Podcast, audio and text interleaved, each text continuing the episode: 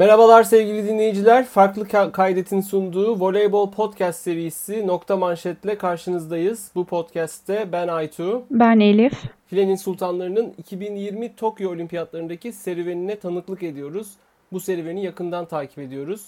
Bugün B grubunda ikinci karşılaşmamızı oynadık ve bu karşılaşmada İtalya'ya 3-1 mağlup olduk. Programımızın ilk kısmında, bugünkü programımızın ilk kısmında bu karşılaşmayı değerlendireceğiz. Ardından bizim grubumuzda bugün oynanan diğer iki karşılaşma olan Çin-Amerika ve Rusya-Arjantin maçlarına ilişkinde değerlendirmelerimizi paylaşacağız. Ve grubumuzdaki son durum hakkında da konuşacağız. Son olarak diğer grubun, A grubunun en önemli mücadelesi olan Japonya-Sırbistan maçına da bir göz atacağız. Hemen İtalya maçıyla başlayalım istersen Elif.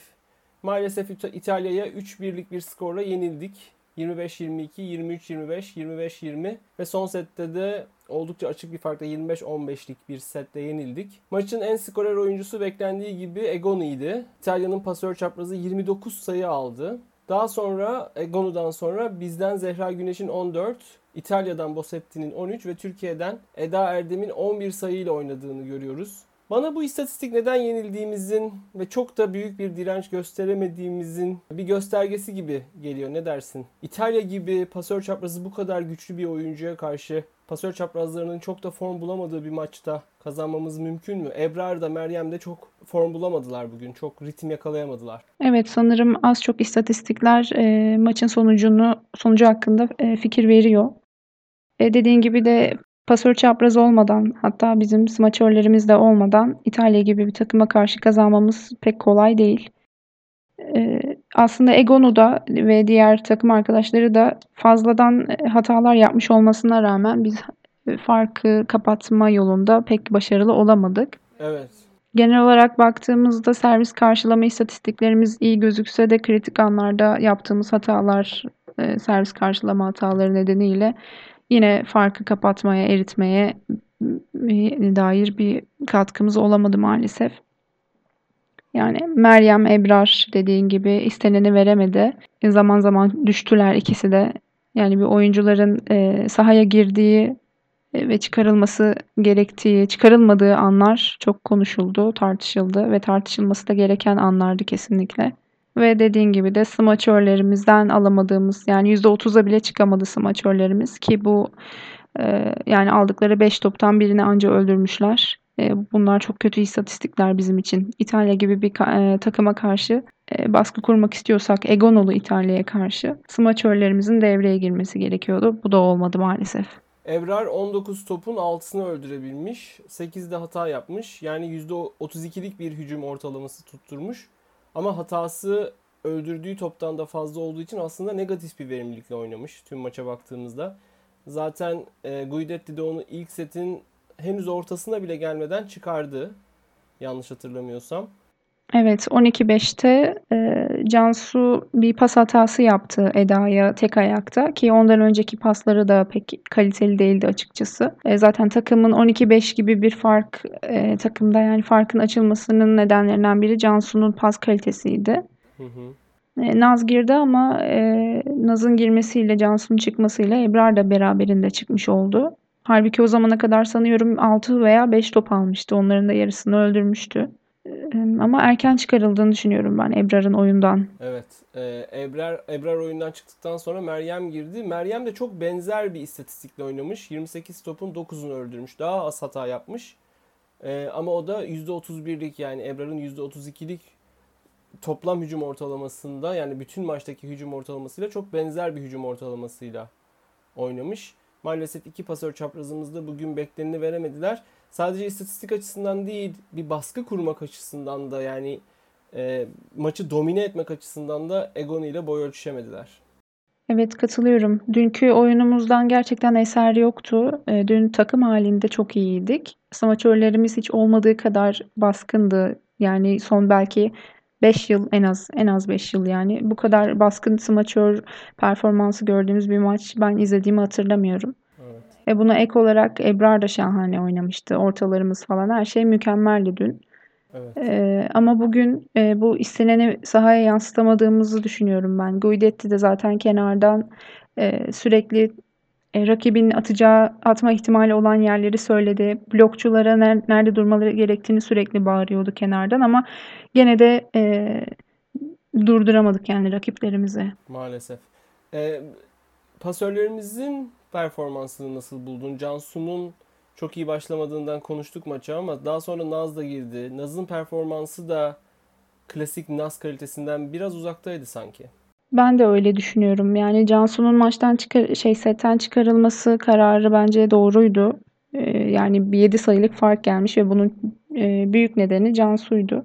Ee, Naz girdiğinde e, fena başlamadı açıkçası ama Zehra ile olan uyumsuzluğu çok dikkat çekti. Sonra e, Hande'ye olması gerekenden yüksek paslar attı. Meryem'le uyum sağladı aslında biraz ama Meryem de zamanla düşmeye başladı pasörden bağımsız. E, Meryem'e de aslında alçak kalan bazı pasları oldu ama bu bir iki taneydi. Çok fazla değildi Naz'ın. Naz Ebrar'ı beraber denemekte fayda olabilir mi? Ne düşünüyorsun? Çünkü Naz da zaman zaman yüksek oynatmayı seven bir pasör.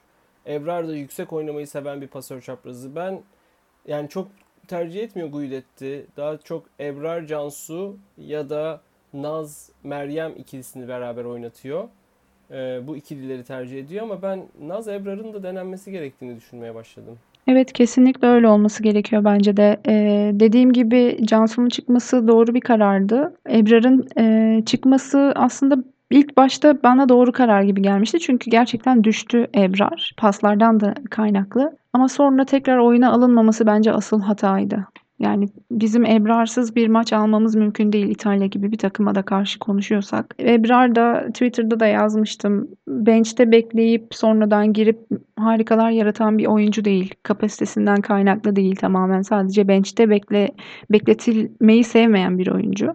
Evet bazı oyuncular bench'te bekleyip maçı gözlemleyince çok iyi girerler oyuna ama Ebrar çok öyle bir oyuncu değil. O maçın heyecanıyla, maçın ateşiyle aslında daha iyi hale gelen bir oyuncu. Kesinlikle katılıyorum.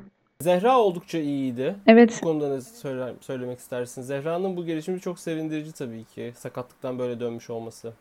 Evet birinci setten maç sonuna kadar gerçekten Zehra çok iyiydi. Zehra'nın hatta birinci sette farkı kapatmamıza yardımcı olan bir servis serisi vardı. Çok güzel bir servis serisi yakalamıştık. Ama Egon'un e, hücumuyla bitmişti bu e, servis serisi tabii ki. 19 19 13 19 18 hatırlamıyorum ama oraya kadar getirmiş eritmiştik yani farkı. Evet. Sonrasında herkesin tartıştığı bir e, Hande'nin tiplediği bir pozisyon oldu. Evet. Yani bu pozisyon hakkında sen bir şey söylemek ister misin? Evet bu ya power tip mevzu e, birazcık tartışmalı bir hale gelmeye başladı. Aslında Guidetti'nin çok sevdiği bir şeydir. İstersen öncelikle dinleyicilerimiz için power tipin ne olduğunu açıklayalım. E, birazcık e, yani bir, bir tür plase bu. Tam olarak e, smaç değil. Ama topu biraz elde bekletip ileriye doğru itme, e, güçlü bir şekilde ileriye doğru itme şeklinde tarif edebiliriz. E, Hande'nin oldukça sık yaptığı bir hücum biçimi. Guidetti de çok sever, çok yaptırır oyuncularına.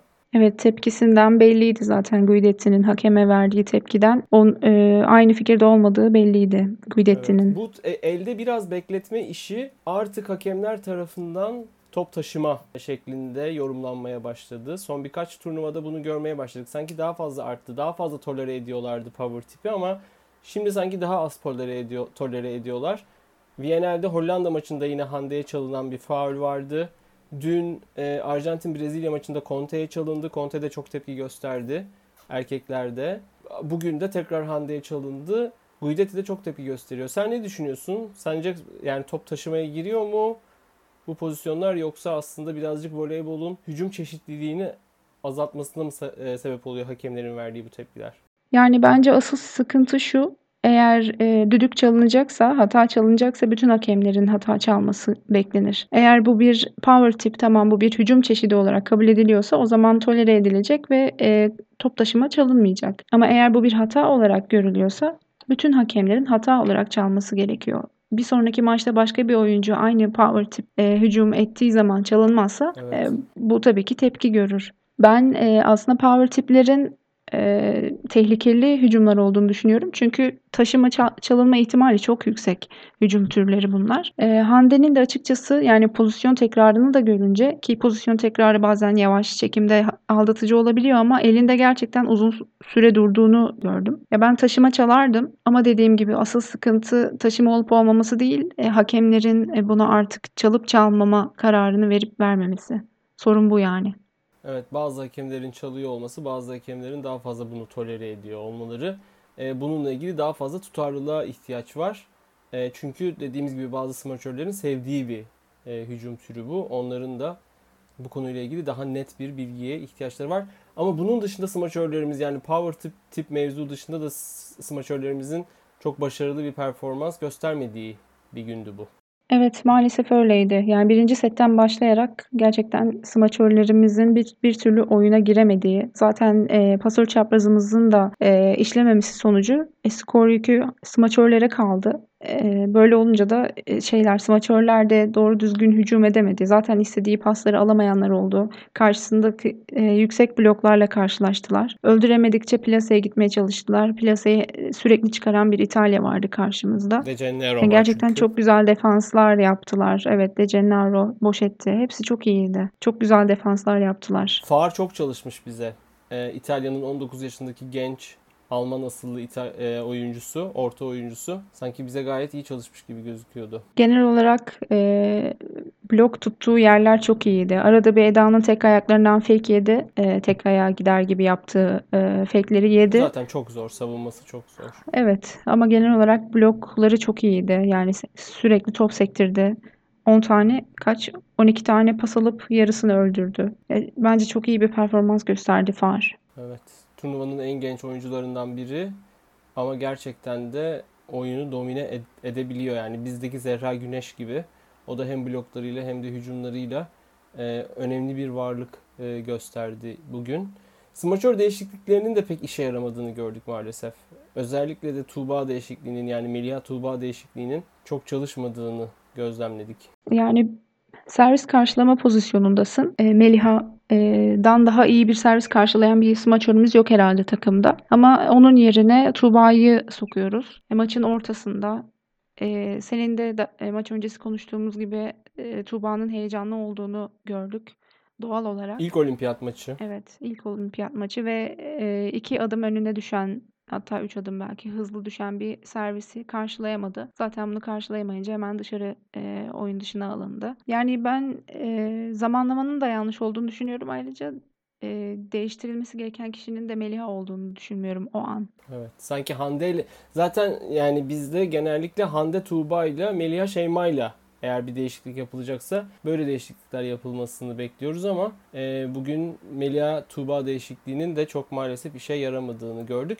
Zaten bu değişiklik yapıldığında sahada tecrübeli oyuncumuz da kalmamıştı. Yani Simge hariç sahada hiçbir tecrübeli oyuncumuz kalmamıştı. O anda e, maçın spikeri Kerem Öncel'in de belirttiği gibi o anda takımımızın yaş ortalaması 24'e kadar düşmüştü. Çünkü Cansu, Hande, Tuğba, evet, Hande, Ebrar, Tuğba vardı. Evet ve Zehra vardı. E, çok çok genç bir takımla oynamaya başladık birden. Bu da sanki özellikle 4. sette direncimizin çok hızlı kırılmasının sebeplerinden biri gibi geliyor bana. Evet hem bu hem de Boşetti'nin servis serisi çok iyiydi. Ee, evet. Bizi çok zorlayan servisler attı. 7 sayı fark attılar bize. Özellikle de evet. Boşetti'nin servise geçmesiyle. E sonra dediğin gibi zaten Tuğba servis karşılama hatası yaptı. Evet.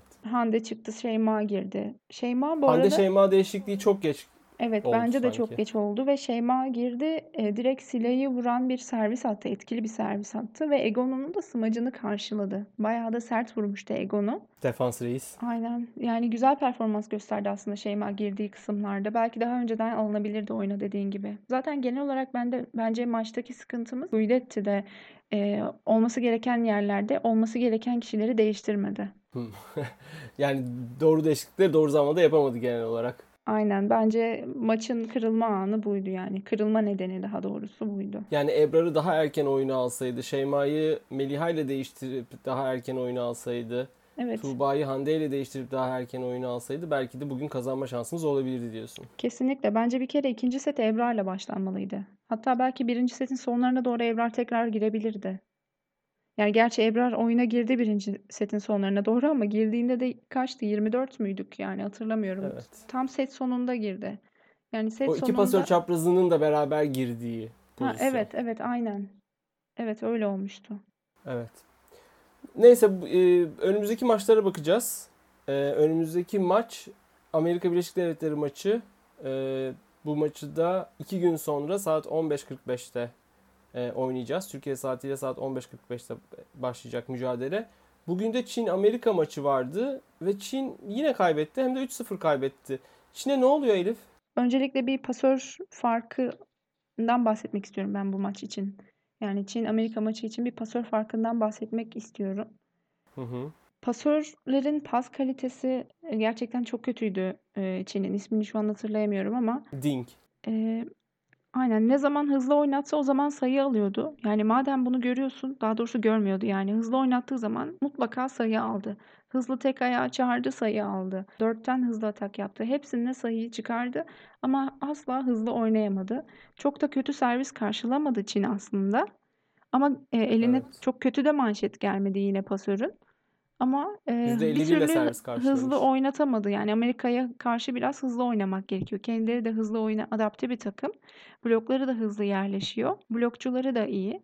Ama ben pasörle başlamak istedim açıkçası Çin-ABD maçını değerlendirmeye. Zo'nun performansında düşüş olduğunu artık görmeyen kalmadı diye düşünüyorum.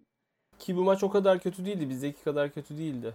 Evet, takım olarak bizdeki kadar kötü değillerdi aslında. Daha güzel ralliler oldu. Daha çekişmeli set sonları oynandı. Ama Zu'nun performansını ben yani hepimiz biliyoruz açıkçası. Ee, Zu gerçek Zu'nun gücü bu değil. Ee, kesinlikle karşılanamayan daha fazla e, smash vurduğu maçlar var. Bir de yani ilk maçta bizim maçımız sonrasında komplo teorileri geliştirilmişti. Görmüşsünüzdür mutlaka. Çin bilerek yenildi. Evet, maç mı seçiyor, bilerek mi yeniliyor, sıralama için bir şeyler mi yapıyor? Çin gerçekten böyle bir e, takım mı, ne oldu bunlara falan e, diye konuşulmaya başlanmıştı. Yani bu maçta e, bütün plaseler yere düştü Çin. Ki Çin'in biliyoruz ne kadar defansif gücünün, ya genel olarak Asya takımlarının e, defanslarının ne kadar iyi olduğunu biliyoruz. Evet. Ee, hiç ser- etkili servis atmadılar. Yani %90'lar, %80'ler. Evet, Amerika'nın e, smaçörleri ve liberosu gerçekten çok iyi servis karşılıyor. Bunu biliyoruz, bunun bilincindeyiz ama %90'lar, 80'ler de biraz şov yani. Bu şovu yaptıran da kesinlikle Çin. Evet. O e, istatistikleri vereyim hemen müsaadenle. Wong Arantes %94, Larson %92, Barçek %81 ile servis karşılamış. Yani gerçekten dediğin gibi bu oranlar çok sürpriz oranlar. Kesinlikle öyle. Yani 3-5 tane servis de karşılamamışlardır. Onların not aldığını mı bilmiyorum ama kesin çift taneli servis karşılamışlardır. Yani Evet, evet, evet. Çok tabii tabii çok fazla servis karşılamış insanlar bunlar. Zaten oranlardan da belli. Hepsi küsuratlı. Evet yani Çin Viyana'da çok daha iyiydi son e, son çeyrekte. Tam kadro geldiği e, maçlarını çok iyi oynadı. Özellikle Amerika maçı için konuşayım. 3-0 yenmişti. Madem karşılaştırma yapacağız. Evet. Ama sanırım hem e, üzerlerinde bence olimpiyat baskısı var. Hepimizin tahmin edeceği üzere başarıyı elde etmektense o başarıyı sürdürmek daha em, Doğru. zor ve baskı kuruyor takımlar üzerinde, oyuncular üzerinde, antrenör üzerinde.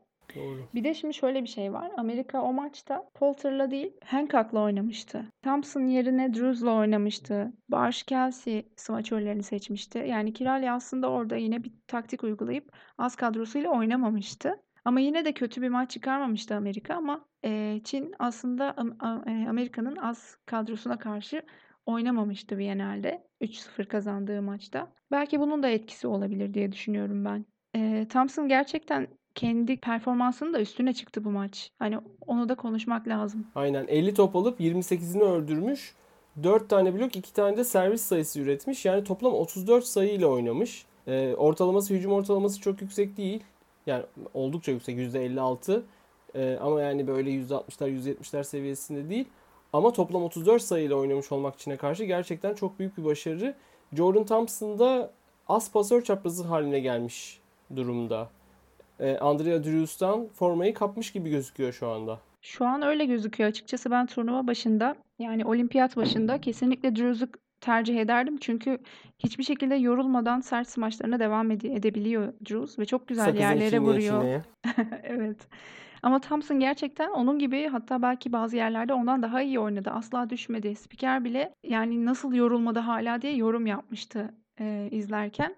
Ya ben Çin'in açıkçası 3. seti bir şekilde asılıp en azından bir set alacağını düşünüyordum. Çünkü sıralama için oldukça önemli bir maç. Ee, yani her maç önemli tabii ki sıralama için. Her set, her sayı önemli. Ama e, ikinci setin benzeri bir set izledik. Senin dediğin, dediğin gibi Thompson da çok öne çıktı. Özellikle üçüncü set damgasını vurdu gerçekten Thompson. Ama bir şekilde Çin 3-0 kaybetti sonuç olarak. Evet bu çok e, yani dediğin gibi herhalde tam olarak olimpiyatın e, ruh haline, motivasyonuna gelmiş gelememiş olmalarından ya da çok büyük bir baskı hissetmelerinden kaynaklanıyor. Çünkü son olimpiyat şampiyonu Çin. 2016'da Sırbistan'ı yenerek olimpiyat şampiyonu olmuşlardı. Lang Ping'le yine. E, Zhu Ting de o turnuvanın en değerli oyuncusu seçilmişti. Bu başarıyı devam ettirmenin zorluğunu, baskısını yaşıyor olabilirler. E, bakalım turnuvanın geri kalanında nasıl oynayacaklar. Önlerinde kalan maçlar Rusya, İtalya ve Arjantin e, maçları. Bakalım bu maçlarda nasıl bir performans gösterecekler. Büyük ihtimalle ben yine de üst tura çıkacaklarını düşünüyorum. Yani Rusya ve Arjantin'i yenip üst tura çıkacaklarını düşünüyorum. E, ama tabii ki göreceğiz, izleyeceğiz önümüzdeki günlerde ne olacağını. Bizim bir sonraki maçımız Amerika Birleşik Devletleri ile. Amerika grupta şu anda 2'de 2 yaptı. Perşembe günü saat 15.45'te Amerika Birleşik Devletleri ile oynayacağız. Nasıl bir mücadele bekliyorsun? Herhalde Amerika yine bu 6 ile bu 7 ile sahada olacak diye bekliyorum ben. Polter, Thompson, Akinradevo, Washington e, ve Larson e, ve Barch Hackley e, ve de Libero'da da Wong Orantes. E, bu, bu altı san, sanıyorum olimpiyatlar için oturmuş durumda şu anda Amerika Birleşik Devletleri takımında. Nasıl bir maç bekliyorsun? Büyük ihtimalle saydığın ilk altı ile başlar Amerika. E, ve İtalya'ya benzer oyun tarzına sahip Amerika. Hızlı bir oyun oynuyor. İtalya'dan avantajı smaçörlerinden çok daha iyi katkılar alması ve smaçörlerin e, libero gibi defa, defans ve e, servis defans yapıp servis karşılayabilmesi. E, benzer blokçulara sahip olduğunu düşünüyorum. Blok performanslarının benzer olduğunu düşünüyorum İtalya ile karşılaştırırsam. E, ben açıkçası bu İtalya mağlubiyeti öncesinde de e, ABD maçını zor e, yenebileceğimiz bir kategoriye koymuştum kendi kafamda. Yani ABD maçını almak gerçekten çok zor olacak. Ben pek alabileceğimizi düşünmüyorum ama umarım alırız. Çin maçındaki gibi oynamayı başarabilirsek aslında. Evet, kesinlikle. Yani bizim ortalarımız da umarım blok sektirmede e, yavaş kalmazlar. E, yeterince blok yapabilirler. Onun dışında e, servislerimizi etkili atabilirsek ki yani ne kadar etkili atabilirsek o kadar iyi. Çünkü zaten neredeyse her topu çıkarabilen bir rakibimiz olacak. Dolayısıyla bizim smaçörlerimize ve pasör çaprazımıza çok iş düşecek. Evet dediğin gibi e, çok iyi iki tane smaçörü var. Aslında dört smaçörü de çok iyi. Amerika Birleşik Devletleri'nin olimpiyata getirdiği. E, şu anda as oynamakta olan Larson 34 yaşında. Vali kaplı Larson 34 yaşında. Barçekli'de Vakıfbank'ın oyuncusu Barçekli'de 31 yaşında. Çok tecrübeli. Ama hala çok atletik iki smaçör bunlar. Şu anda yedekte olan smaçörler Kelsey Robinson'la Kimberly Hill de bizim çok yakından tanıdığımız oyuncular. Onlar da çok iyi iki smaçör. Yani hem savunma e, tarafları, yer savunması tarafları hem de hücum tarafları çok güçlü 4 oyuncuya, 4 smaçöre sahip Amerika Birleşik Devletleri. Biri çalışmazsa diğeri çalışır. O yüzden gerçekten de smaçörlerine çok dikkat etmemiz gerekiyor. Evet kesinlikle. Larson ve Michel özellikle yani hem e, nerede hangi hücumu yapmaları gerektiğini çok iyi biliyorlar. Hem de o hücumu nereye yönlendirmeleri gerektiğini çok iyi biliyorlar. Sahayı çok güzel görüyorlar hücum etmeden önce. Bu iki smaçörü özellikle.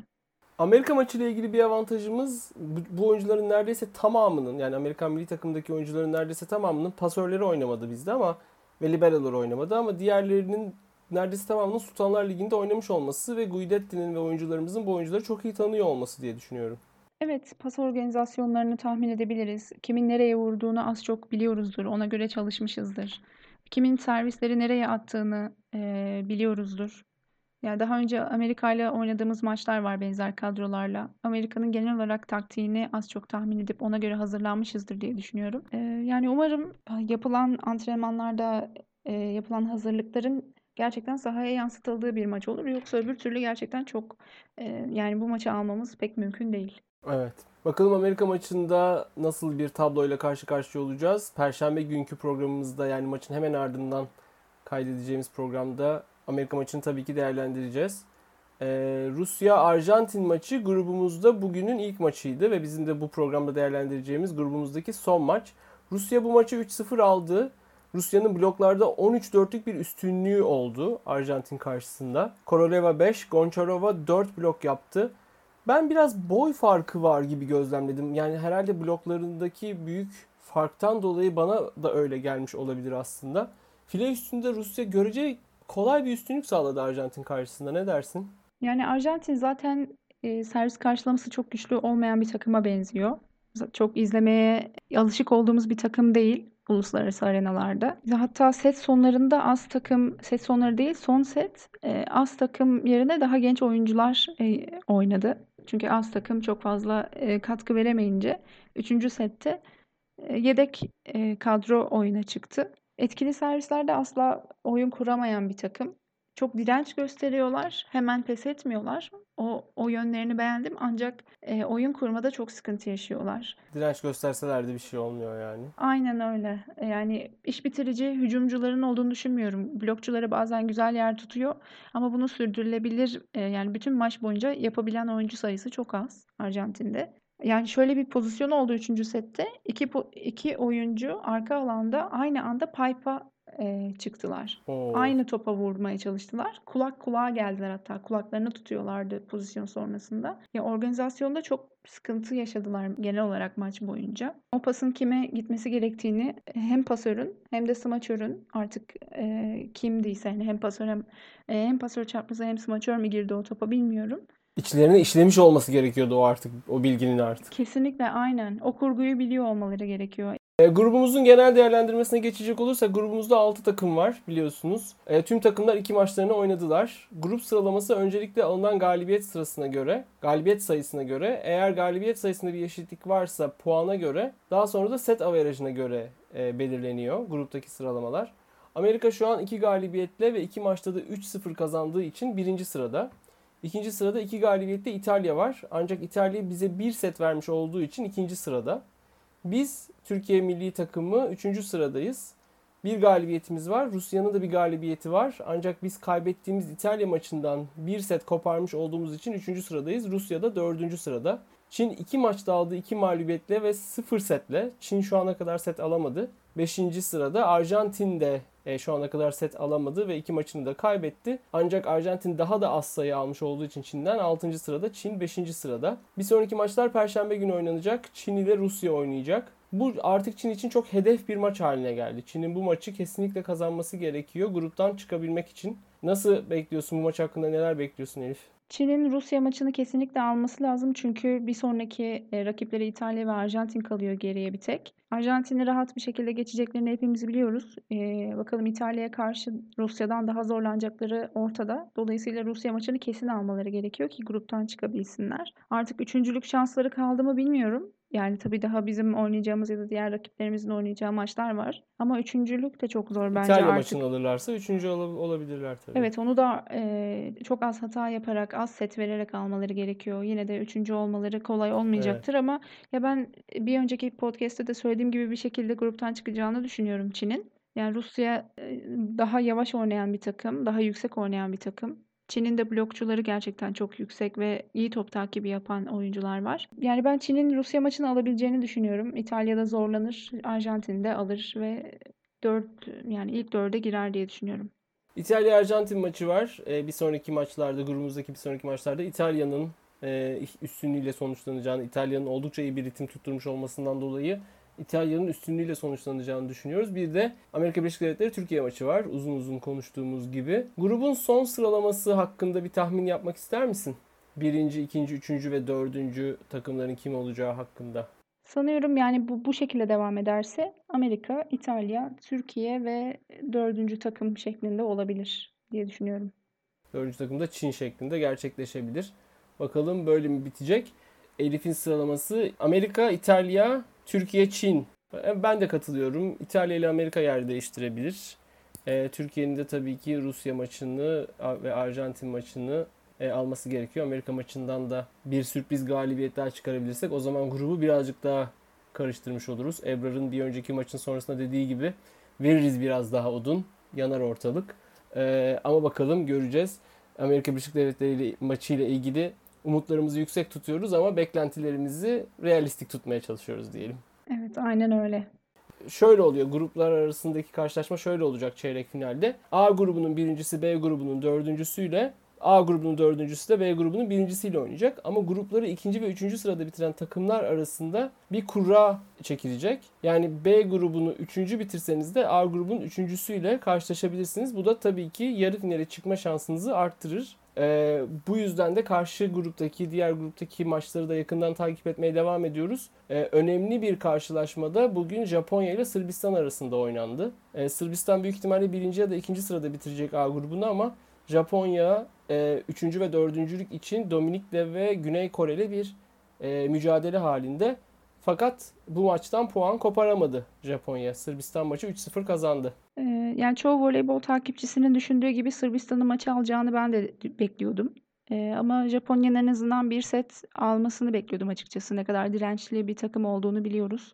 Hücumlarda da kötü, fena değiller. Ama işte yaşadıkları bir talihsizlik nedeniyle as smaçörlerinden biri sakatlandığı için kadro dışı kaldı. Bu da oyun kurgularını mutlaka etkilemiştir. Morallerini de. Evet, kesinlikle morallerini, kurgularını, taktiklerini etkilemiştir mutlaka. Ee, yani yerine giren e, diğer smaçörün ne kadar hazır olduğuyla da ilişkili tabii bu performans. Ama dediğim gibi yani ben 3-0'lık bir mağlubiyet beklemesem de Sırbistan'ın bu maçı e, alacağını düşünüyordum. Puan kayıpsız alacağını düşünüyordum, bekliyordum. Yine çok Boşkoviç temelli bir oyun oynamışlar. Geçen maçta 3 sette Boşkoviç 48 hücum topu kullanmıştı. Bu maçta da 49 top kullanmış. Sanki senin geçen programda da dediğin gibi bir çetele tutulmuş gibi yani. E, Maya'nın Boşkoviç'e attığı toplarda da. E, 31'ini öldürmüş. %63 ile oynamış Boşkoviç. Gerçekten de yani nazar boncukluk bir performans. Evet kesinlikle. Boşkoviç'ten inşallah bizim maçta eğer karşılaşırsak nazar değer bu arada. E, %63 ile oynamış. Yani Egon'u ile karşılaştırılıyor tabii dünyanın en baskın iki pasör çaprazından biri olduğu için. Egon'u %48 ile oynadı bugün. Boşkoviç %63 ile oynamış. Egon'u Boşkoviç'e göre çok çok daha fazla hata yapıyor bence. Ee, sen ne dersin bu karşılaştırma hakkında? Şimdi bu karşılaştırma yapmak için e, yani rakiplerin de benzer seviyede olması gerekiyor. Ama genel olarak düşündüğümüzde haklısın tabii ki. Egon'un ben de daha fazla hata yaptığını düşünüyorum. İki takım da Viyana'ya az kadroyla gelmemiş takımlar. Çok az e, maç yapabilmiş. Yani maç açığı olan takımlar. Takım olarak da fazla hata yapan takımlar ama pasör çaprazları açısından değerlendirdiğimizde Boşkoviç'in genel olarak e, Egonu'dan daha az hücum hatası yaptığını söyleyebiliriz. Daha tutarlı bir oyuncu kesinlikle. Evet. Bu maç bir de e, Sırbistan evet 3-0 aldı ve Boşkoviç ağırlıklı oynadı ama Boşkoviç ağırlıklı oynamasının bu seferki sebebi smaçörlerinden hiçbir katkı alamamış olması. E, yine Twitter'da da yazmıştım. Buraya da not aldım. Smaçörlerinden Milankovic gerçekten çok kötü başladı. Ki Milankovic bir önceki maçta çok iyi oynamıştı. Ben bir önceki maçı çok takip edemediğim için benim için bir şaşkınlık oldu açıkçası Milankovic'in performansı. Çünkü ikinci sette 11-7 iken daha ilk sayısını almıştı öyle söyleyeyim. 8 tane pas almış şimdiye kadar ikinci setin 11-17 11-7 skoruna kadar. Blagojevic de yine ikinci sette 16-10'dayken skor 7. pasını alıp daha ilk topunu öldürmüş. Yani iki smaçör de gerçekten dökülüyordu. Çok kötüydü. Terzi hiç, hiçbir şekilde müdahale etmedi. Bu ilk iki setin başlarında. Sonra ikinci setin ortalarında sanırım Blagojevic yerine e, Buş'a girdi. İlk hücumunu out'a vurdu Buş'a İkincisi de sayı olmadı. E, servisi de çok etkili değildi ki Buş'un servisleri gerçekten son dönemde çok öne çıkıyordu. E, o serviste çok ben etkili bir servis göremedim açıkçası. Ve yine orta ve Boşkovic ağırlıklı bir oyun oldu. En azından ortalara biraz daha fazla pas gitti bu maçta. Yani genelde Maya gerçi fileye çok yakın gelen topları ortalara attı. Ama gene de orta hücumları yaptırdı en azından. Hepsini Boşkovic'e atmadı ki Maya çok alçak gelen, kötü gelen pasları bile bir şekilde bileğini döndürüp Boşkovic'e atabilen bir pasör. Gene de bunları orta ile değerlendirdi. En azından bu maç. Biraz daha dengeliydi yani bir önceki maça göre. Rasic yalnızca 13 pas almış ama yine de diyorsun ortaları birazcık daha fazla kullanma emareleri göstermeye başladı Maya Onjanovic. Evet öyleydi bu maç en azından. Zaten boy avantajını kullanman gerekiyor Japonya'ya karşı hızlı oyun oynaman gerekiyor. E, boy avantajını da kullanabileceğin en güzel yerler orta hücumları tabii ki. O yüzden e, ortaları daha fazla tercih etmiş olabilir. Evet. E, bu iki maçta Boşkoviç'e bu kadar fazla top gitmiş olması ve işte bir, bir maçta 48 bir maçta 49 top kullanmış olması aslında turnuva boyunca Sırbistan'ın nasıl bir taktikle oynayacağının işaretlerini veriyor herhalde. Yani Sırbistan oyununu Boşkoviç'in üstüne yıkmaya devam edecek diye düşünüyorum. Çünkü bir önceki programda da e, konuştuğumuz gibi Mihailovic yok. Ve Milankovic ve Blagovic'in ve de Buşan'ın hücum performansları, hücum kapasiteleri sınırlı. E, o yüzden de Boşkovic gerçekten de Sırbistan'ı taşımaya Maya'nın e, talimatlarıyla diyelim taşımaya devam edecek. Büyük ihtimalle öyle gözüküyor. Yani senin iki smaçörün de çok iyi çalışsa bile elinde Boşkoviç varken onu kullanmamak tabiri caizse gerçekten çok saçma olur. Ama bu belli bir şeyden sonra pasların %50'sine kadar pasör çaprazına yüklenmek uzun vadede seni taşıyabilecek bir taktik değil. Eğer smaçörlerinden katkı almamaya devam ederse Sırbistan e, ileriki daha zorlu maçlarda çok daha zorlu, zorlanacağını düşünüyorum ben. Sadece Boşkoviç üzerinden evet maç alabilir ama zorlu rakiplerde daha zorlanacağını düşünüyorum. Daha en azından gözler önüne serilecek bu sıkıntı. Şu an belki çok gözükmüyor. Boşkoviç çünkü kapatabiliyor. Ama önümüzdeki maçlarda bakalım aynı kurguyu devam ettirebilecekler mi? Ya da ettirecekler mi?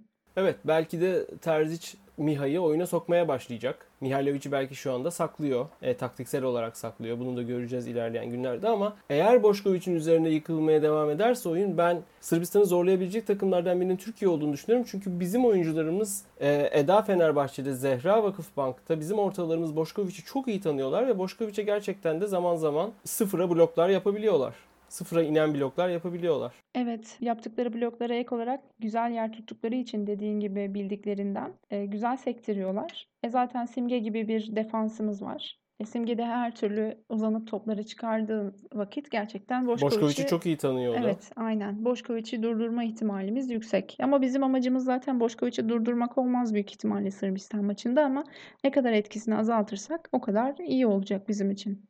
Bakalım bir noktada Sırbistan'la karşılaşmamız oldukça olası. Eğer Sırbistan ikinci bitirirse biz üçüncü bitirirsek ya da ikinci bitirirsek ve kurada Sırbistan'ı çekersek e, böyle bir olasılık var. Ya da biz dördüncü bitirirsek grubu Sırbistan birinci bitirirse e, böyle olasılıklar var.